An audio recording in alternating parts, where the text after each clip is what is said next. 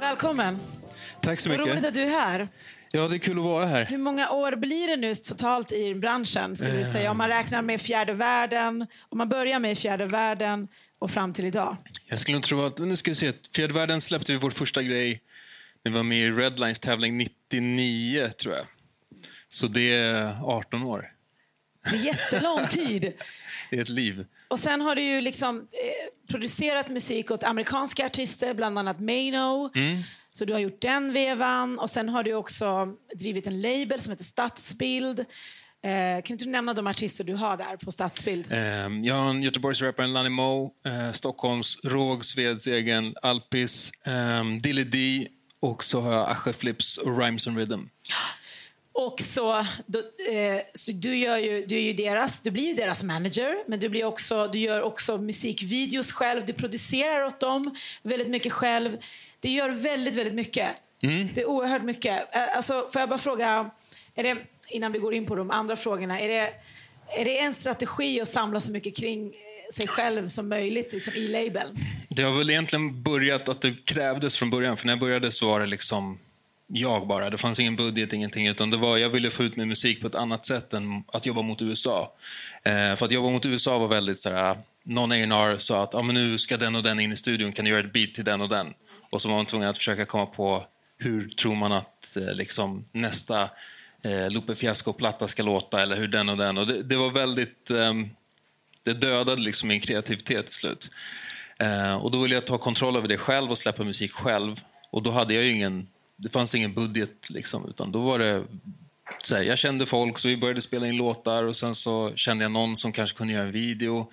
Men känner man folk och ber folk om tjänster då tar det tid för man kan inte kräva att någon ska ta hela sin fritid och göra en musikvideo åt en. Eh, och då får man räkna med att det tar tid och tar det tid då kanske man känner att fan det här kanske jag kan testa göra själv. Och apropå Youtube så finns det hur mycket tutorials som helst där. Så att det var så jag började. Det var bara att gå in och kolla. Okej, hur gör man? Vad gör man? Vad ska man tänka på? Eh, och så prova sig själv, själv fram. Liksom. Men du har verkligen 360 graders erfarenhet av musikbranschen. Men om jag, om jag stannar upp vid det här, den typen av alltså managementrollen. Eh, vad gör du som manager? Ja, alltså jag har ingen uttalad managerroll på det sättet åt mina artister. Men man kan säga att jag tar väl en viss del av managerrollen på det sättet att jag eh, hjälper dem att förstå avtal, eh, hjälper dem att fundera ut vilken riktning de ska ta musikmässigt och den typen av saker. Sen är man en liksom mer ordentlig, uttalad manager, då ska man ju även kanske försöka hitta sponsorer, vilket jag i och för sig har gjort via, via vänner och sånt där, men, men på ett lite kanske större plan. Jaga sponsorer, jaga reklamdeals, jaga saker som inte har med musiken att göra. Medan jag har mest liksom coachat dem inom musiken och inte så mycket inom resten av liksom managerrollen. Hur, är, hur upplever du det här jobbet? det är kul, men det är också, eh, det är också tungt. Liksom. Det är mycket att göra. och Det, det är så här, det är känsligt att släppa musik, hjälpa andra att släppa sin musik. För det är ju, när man släpper sin egen musik då har man ju själv sina egna krav. Men släpper man någon annans musik så har ju de sina krav och sina önskemål och sina visioner. Så det, det är också ett tungt ansvar liksom, att, att ehm, bära. Eller man ska säga. Att, att, här, vi släppte Lani Moes nya singel i fredags och nu under helgen då har jag och han kontakt och sa okej hur går det där, hur går det där, vart, vart finns syns den, när kommer den dit och det är liksom, så det är mycket att jobba med. Det är, det. Alltså, det är ju mycket som vilar på dina axlar. Mm. Det är inte bara att du ska titta på avtalen, du ska... Det är känsligt med musik som du säger, du pratar musik, du gör musikvideos, det är liksom alla ska fram på rätt sätt och det hänger på dig att förstå vad de vill och hur de vill framstå och inte. Men, så att, men det hänger ju framförallt faktiskt lite på dig också att dina artister slår igenom. Mm, Liksom. absolut. Alltså det blir ju den jätterollen. Och, eh, och då måste jag faktiskt fråga dig, jag vet att det är många artister här. Ditt, alltså, vad är ditt viktigaste tips till artister här? Jag vet att det handlar om om hur ofta man... Mm. Ja, men det, det handlar om, alltså, om, man är, om man vill komma upp någonstans. Det absolut viktigaste är att göra musiken. Det låter väldigt så basic, men det är lätt att fastna i kanske. Så här, nu har man gjort, nu har jag gjort några låtar, de är skitfeta tycker jag. Och så vill jag få ut dem, men samtidigt glömmer jag bort att fortsätta göra musik. Hur menar För du det, då? är liksom, det viktigaste är att man fortfarande gör sin musik. För att gör du inte någon musik så kommer du inte komma vidare. Även om du får en, en låt, vi säger att man har tur och en låt lyckas ta sig igenom. Har du inte någonting att följa upp den med då, så kommer det ganska snabbt dala.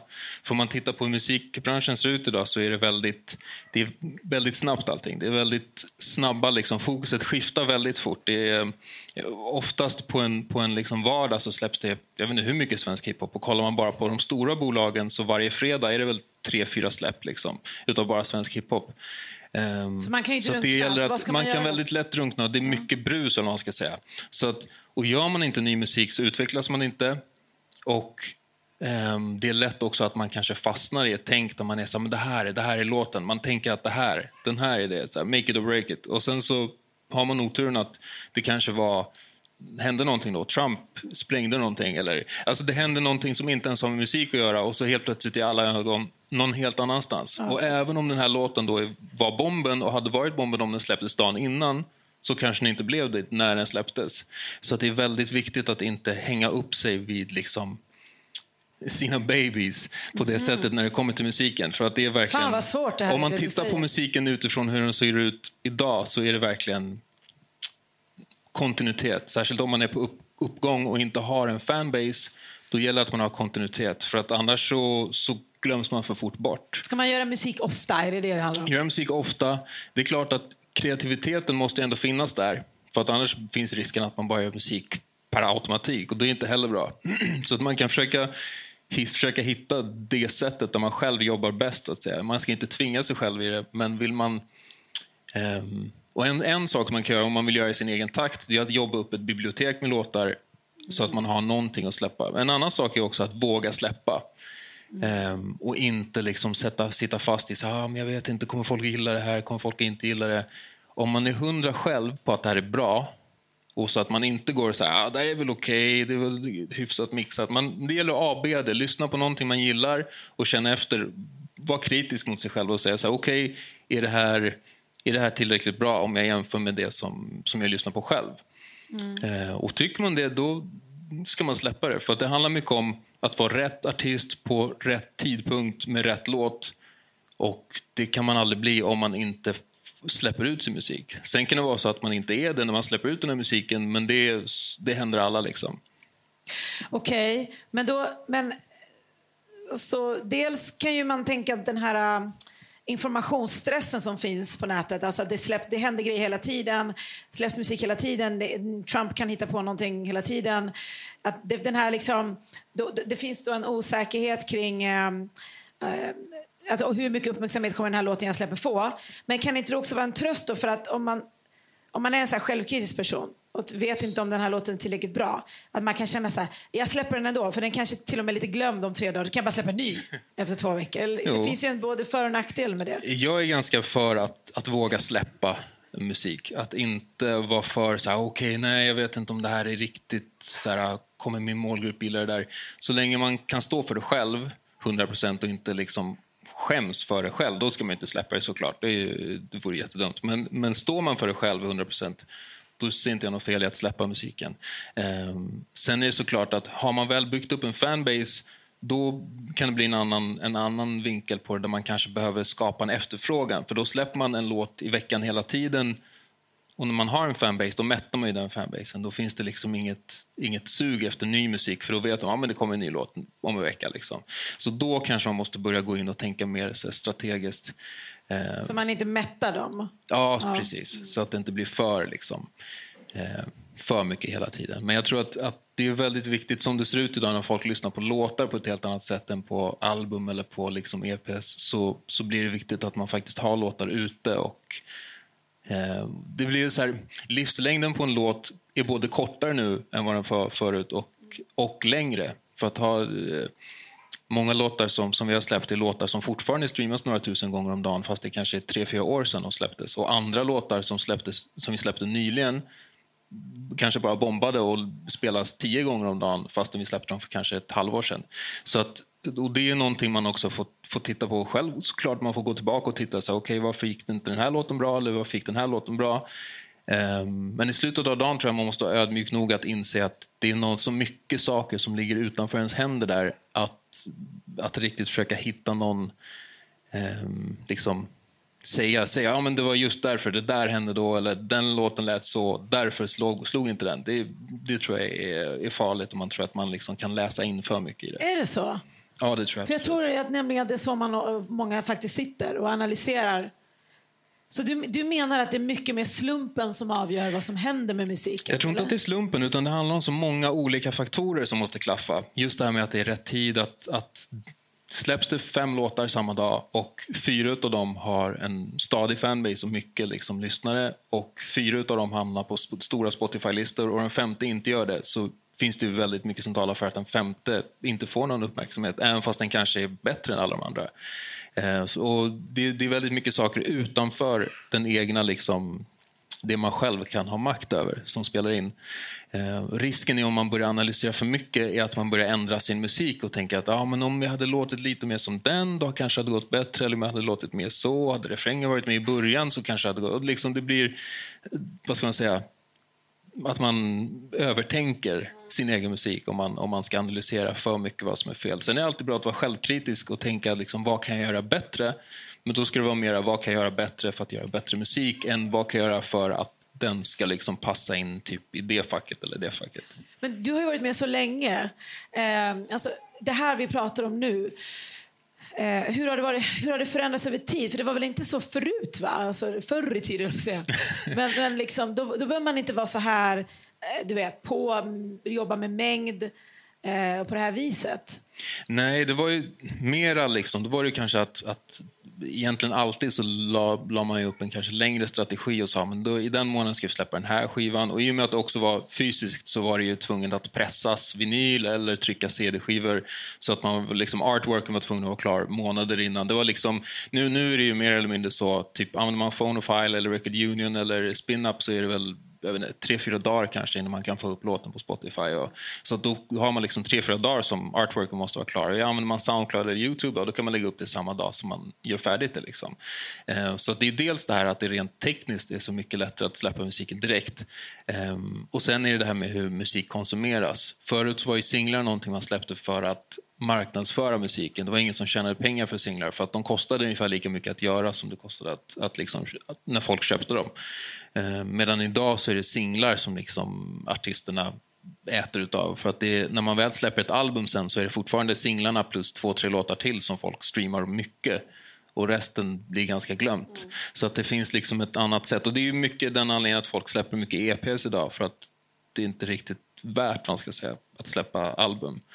Um, sen finns det en annan aspekt av album där man vill släppa album för att det kanske är lättare att få recensioner eller det kanske är lättare att få intervjuer och sen också det om att kunna släppa en, en liksom musikalisk enhet som man själv känner det här är en enhet som jag vill liksom stå för.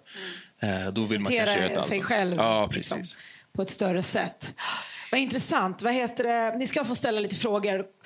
Fundera redan nu. Kom ihåg att han har fullständig, enligt mig, 360 graders erfarenhet av alla sidor. Eh, det är lite få som är som du faktiskt. Det har varit med på alla sidor liksom. Sådär. Men eh, vad heter det? Det här med att eh, göra artwork och musikvideos själv. som, du har ju samlat så, så gott det går mycket så att du gör det själv liksom. Ehm, jag tänker, det, tänk om man inte är jättebra på att göra sånt. Alltså, jag vet inte om jag är jättebra. Det är sådär...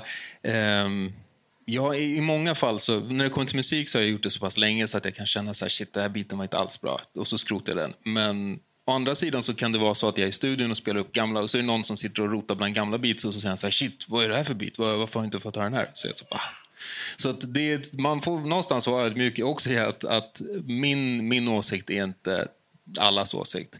Eh, när det kommer till artwork har jag ingen aning alls. Där jag, bara, jag gör någonting. det gör du ju mycket. Um, där så försöker jag få det, en, en bild som jag tycker passar med musiken och som jag tycker är snygg. Sen så kollar jag på några gamla videos som jag gjort så tycker jag att det är jättefult kanske. Men det, är så här, det, funkar, det funkade hyfsat bra ändå. Och när det kommer till musikvideos så tror jag att det är viktigt att kanske inte övertänka där heller. För tittar man på hur folk konsumerar musikvideos idag så gjorde um, G. Dixon när han släppte den här um, Au revoir med, med um, Raw Born så gick den jättebra. De stod utanför Redline-studion och filmade hela videon i en tagning med en, med en iPhone-kamera. Liksom. Och den gick ju skitbra ju. Och den funkade jättebra. För att hans publik behövde inte att det var något flashigt till den låten. Utan de ville höra en fet låt. På, som Många av hans publik som lyssnar på Youtube de ville höra en fet låt och de gillade att, att se honom samtidigt. Um, jag tror att hade han haft en video där han hade haft liksom helikopterflygningar och, och det hade varit bilar så den hade kanske blivit marginellt bättre streams, okay. men inte, inte någon stor skillnad. Mm. Um, och det kan man se mycket på Youtube hur, hur liksom, uh, särskilt när det gäller svensk musik, svensk hiphop så ser man att, uh, eller svensk urban musik överhuvudtaget, att, att det är, hur mycket visningar en video får har inte så mycket att göra med kvaliteten på videon. Uh, utan det har mycket att göra med hur låten är och om, om låten blir en hit och om den, den, liksom, den musikprofil man har, den, den målgrupp man har, om de finns på Youtube eller inte. Eh, för att jag vet att vi har släppt låtar som inte har gått alls bra på Youtube men som har gått bra på Spotify där målgruppen är lite äldre mm -hmm. och tvärtom låtar som har gått bra på, på Youtube och som knappt har gått alls speciellt bra på, på Spotify. Intressant, så det kan vara till och med olika målgrupper på Absolut. de olika plattformarna. Intressant. Mm. Vad, har, vad har ni för frågor? Ja. Jag tänker på, eh, du gör ju så mycket. Jag menar, beats, videos, eh, så har du Hur kreativ vill du vara? Creddy. Kreativ. Uh, Just det. Ja. det, det går upp och ner där. Och det är mycket så här... Um, det som tar mest tid, det som tar mest tid är väl, är väl just musikvideos. Uh, så att där har på senare tid när jag liksom har möjligheten så rent ekonomiskt då tar vi in folk som gör musikvideos. Eh, för där är det kanske lättast, där har jag lättast att jag fastnar och att jag säger okej okay, vad ska vi göra för video? Jag har ingen aning. Och så fastnar man i att man bara tar snygga bilder och liksom, man kommer inte på någon story och sådär. Eh, däremot när det kommer till själva musiken, där, där har jag lättare att vara kreativ. Jag tror att det handlar mycket om Ehm, att artisterna jobbar med har så dels har de olika sound och sen har de också olika sätt att jobba i studion. Ehm, några vill jobba tillsammans, att vi sitter tillsammans och skriver liksom hooks och kommer på melodi tillsammans. Andra skickar bara beatsen till och sen så spelar de in själva eller skriver hemma själva och sånt där. Ehm, så där blir det mer att det är som variation på hur vi jobbar och hur musikstilen, så där är det lättare att vara kreativ. Jag kan sätta mig och göra ett beat och så känner jag så här efter en stund känner jag att fan, det här skulle nog passa Alpist eller det här skulle nog passa den. Eller så passar det ingen och så, och så hamnar det i någon, någon sorts eh, mapp någonstans. Det är viktigt att jobba upp en bank. Mm, med jag. mycket grejer. För om, man, om man gör så mycket som dig, mm. du vet, du är ju hela tiden superaktiv, så må, måste det nästan vara viktigt att ha den här banken eh, som du kan ösa ur. Annars skulle du inte hinna med allting. Ja, absolut. Så, att, så att det är klart att det, det är en sån här sak som kanske är lättare som producent till viss del än som, som artist som ska skriva låtar. För jag tror att det är lite lättare att sitta och... Jag kan sitta med, med synten och bara må få välja ljud och så komma på någonting. Fan, det här skulle vara nice. Medan att sitta och må få välja ord i en ordbok funkar inte riktigt på samma sätt om man ska göra texter. Kanske går någon gång. Um, och jag, för mig är det så tycker jag att det är skönt att ha en bank utav, utav beats eller produktioner eller låtidéer eller vad som helst att, att ha. Um, och så jobbar vi en del också när vi jobbar fram album. Liksom. Då har vi, uh, försöker vi göra mycket påbörjade låtar. Det kanske aldrig blir någon låt, det kanske bara blir en vers, en refräng eller kanske bara blir en vers, bara en refräng. Men så att man har ändå påbörjat någonting som kanske kan bli någonting. Mm. Intressant. Frå- Frågor? Ja, ja. Du, får hon börja? Kör. Eh, det är liksom en, en naturlig process för dig? Eller har du behövt hitta någon process för hur, hur du liksom ska komma, komma in i liksom modet? Eller är det alltid varit naturligt för dig att bara vara här och göra olika saker? Eller måste du liksom, ja, jobba med det? Eh, för mig har det bara handlat om tid faktiskt. Och det är att ta, ta mig tiden att vara kreativ. Inte så mycket kanske att att det är klart att jag, jag, tror att som textförfattare är det nog viktigare att försöka hitta inspiration utifrån på ett annat sätt. Som, som producent så känner jag själv att, att då har jag lättare att bara lyssna på an, annan musik, lyssna på musik och allt möjligt, vare sig det är ny musik eller gammal musik, sånt som bara inspirerar på något sätt. Eh, och sen ta tiden att vara kreativ, ställa mig vid datorn, ställa mig vid och spela lite på, på keyboarden liksom och se, prova något ljud som jag inte använt förut, någon, någon synt som jag inte har använt på ett tag och sånt där. Ehm, jag tror att som, som textförfattare, då handlade det, för mig handlade det väldigt mycket mer om att just en speciell beat som jag fick. Om jag lyssnade på en beat så kunde det vara shit och börja skriva direkt. Medan att bara skriva helt utan beat krävde mer att då kanske det skulle vara någon specifik händelse.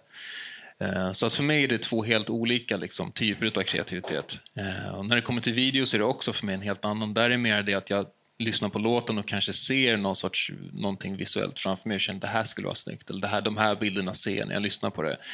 Mm. Så att jag skulle säga att när jag kommer till att göra beatsen så då, då känns det som att där, där behöver jag bara ta tiden att vara kreativ. Ska jag skriva text då måste jag ha någon sorts musik som gör mig kreativ, som väcker det. Liksom. Och samma sak med videos, då, då behöver låten på något sätt väcka någonting. Mm. Också intressant med kreativiteten att jag hör att du någonstans också landar i så här, att man måste också schemalägga det. Man måste göra, ta sig tid, gå dit, göra det eh, och, och, ha en hög, högt tempo. Att mm. man liksom, det är mycket disciplin i det här.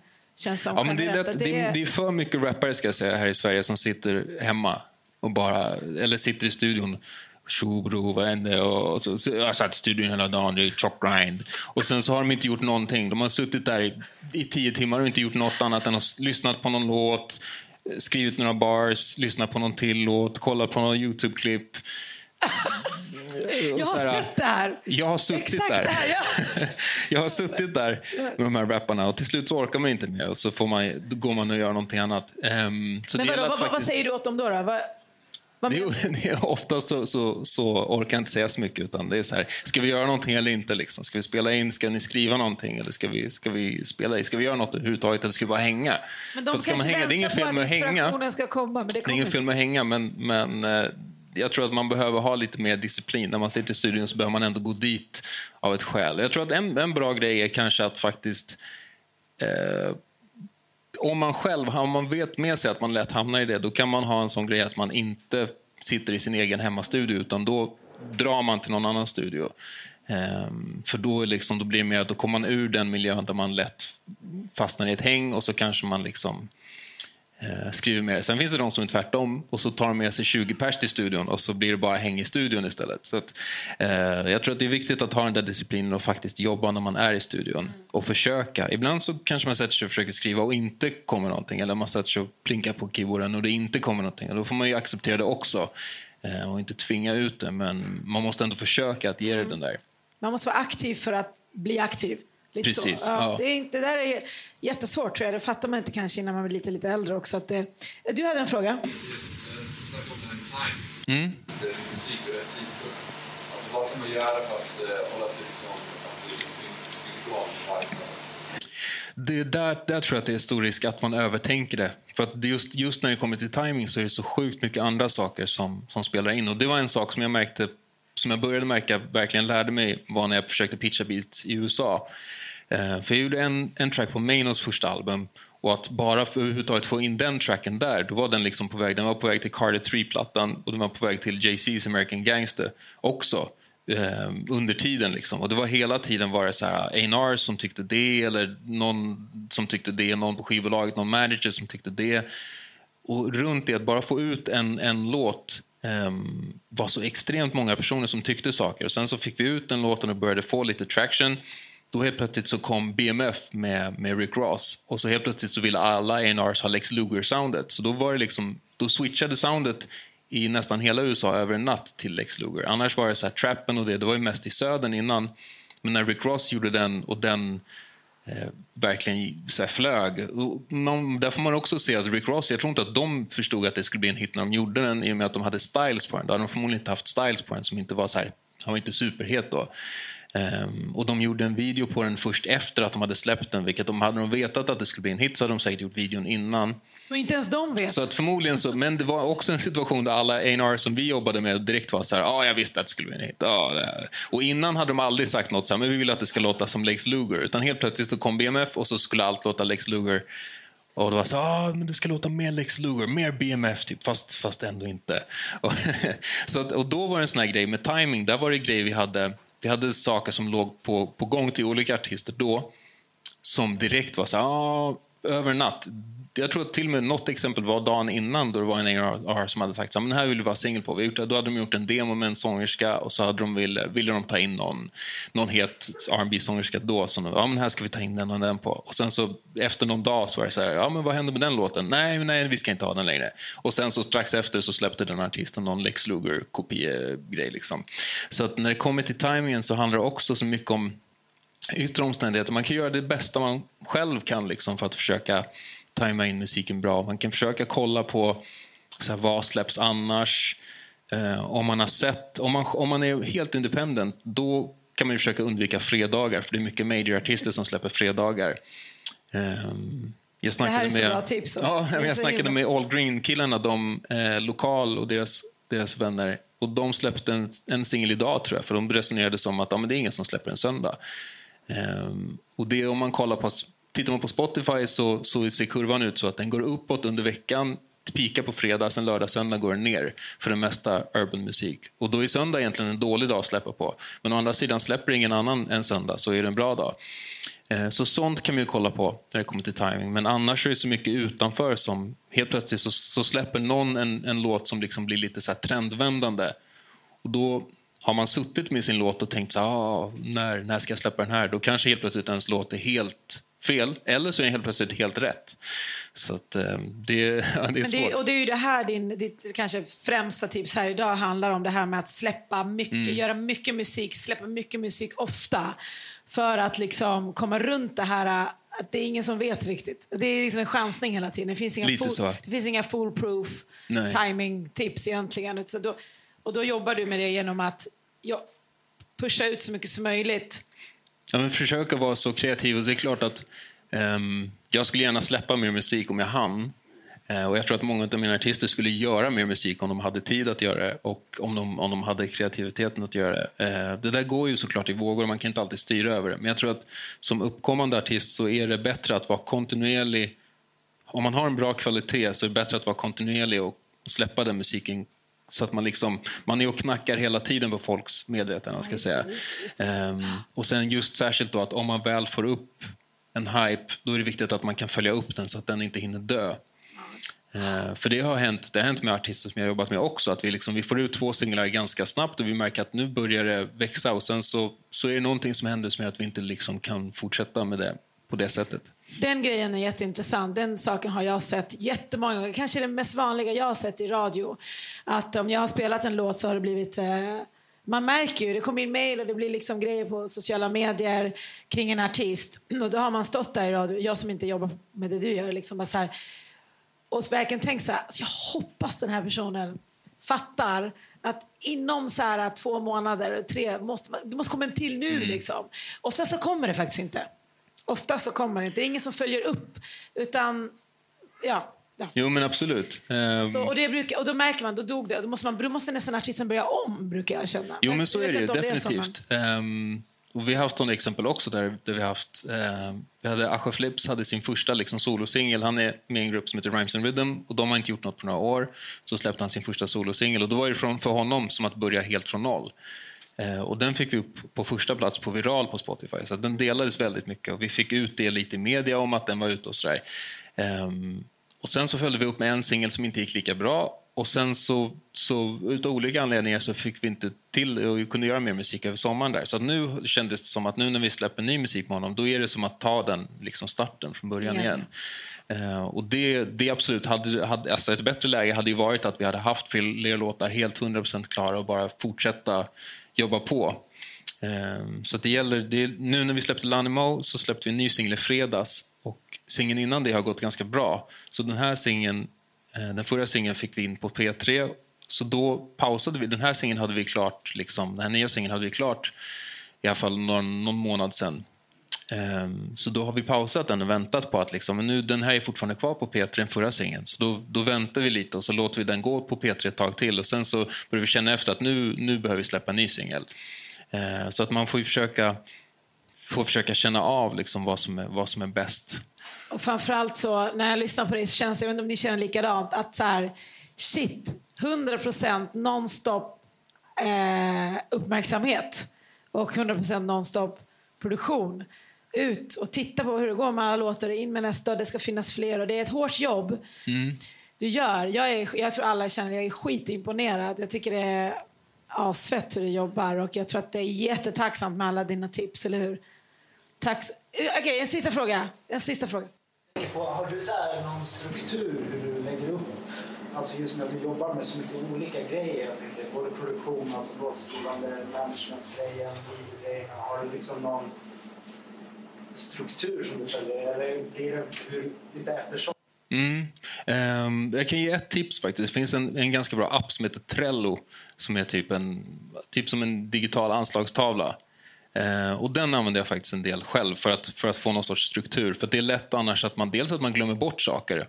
Man är så här, shit, fan den där skulle vi ha mastrat idag. Eller liksom, ja, den typen av saker. Man glömmer bort att ja, men vi behövde ju skicka in omslaget till den nu. Eller, Ehm, så att den här Trello är som en digital anslagstavla. Man gör små lappar och sen så kan man sätta vissa färgkoder och etiketter och sånt. Man kan göra checklistor. Och den är ganska bra att själv använda är man flera så är det klart att man kan använda den på flera. Men jag använder den själv just bara som en sorts mindmap. Eh, så att ingenting liksom glöms bort. För att har man mycket saker som man bollar med, då gäller det verkligen att man prioriterar rätt. Så då, liksom, då i Trello har man olika lanes, som man ska kalla det. Så då kanske man lägger att ja, men just nu, den här singeln är nästa grej som ska ut. Då behöver den ligga i den lanen för det som ska ut, nästa, nästa sak. Liksom. Och vad behövs göras i den? Omslaget behöver göras, mastern behöver göras, eh, videon behöver göras. Och så liksom får man gå igenom de sakerna. Sen kan det vara så här, men nu bestämmer vi oss för att den här låten ska vi skjuta på. Då kan man flytta bak den.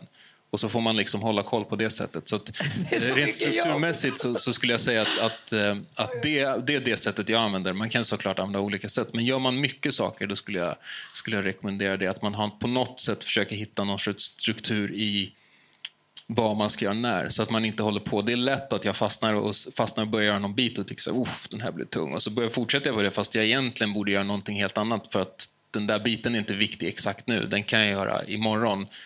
Eh, medan just nu kanske jag behöver leverera en master. Liksom.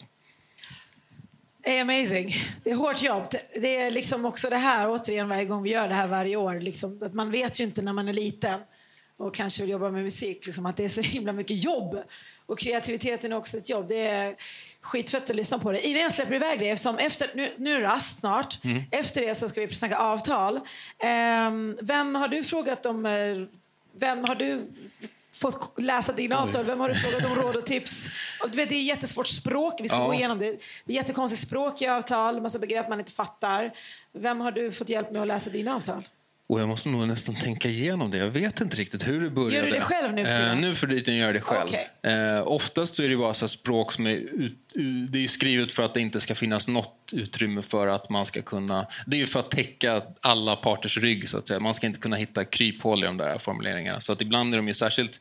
Jag kommer ihåg när jag fick ett amerikanskt avtal i knät. Då var det liksom... Om man tycker de svenska avtalen är krångliga så var det där hundra gånger krångligare. Där stod det om universum. Det var liksom Just det, så här saker som att låten, ja, i den, i, i, i, idag upptäckta och framtida upptäckta universum, den typen av formuleringar. Faktiskt, ja. Ehm, För att mamma Men- kan, världen kan vara ett annat begrepp om tio år. Ja, Nej, men jag, har nog, jag har nog suttit ganska mycket själv. Sen så hade jag på ett gammalt jobb jag hade, hade jag en, en juristkollega som där honom frågade en del kommer jag ihåg, om formuleringar och sånt där. Men annars satt jag ganska mycket själv och försökte liksom förstå vad de olika sakerna verkligen läsa igen. Om man läser igenom det riktigt ordentligt och så får man väl börja liksom slå upp vissa ord för att ibland det är väldigt så här, väldigt mycket konstiga termer. Men ehm, Ja, jag satt, jag satt nog mycket själv och försökte, eller bollade med kompisar och satt okej, men vad betyder det här? Ja, det är svårt. Det är jättesvårt. Vi ska gå igenom några avtal efter rasten. Så att, eh, eh, ni ska få lite tips idag i alla fall. Jag vill verkligen tacka dig jättemycket för att du kom. Tack du är själv. helt perfekt för ett sånt här sammanhang. Det är få som har all den här kollen under så många år som du har. Och liksom lite autodidakt. Du har fått lära dig till allting Mm. du kan helt själv. Som många här kanske kommer få göra. Så att stort tack. Ge honom en Tack jätteapplåd.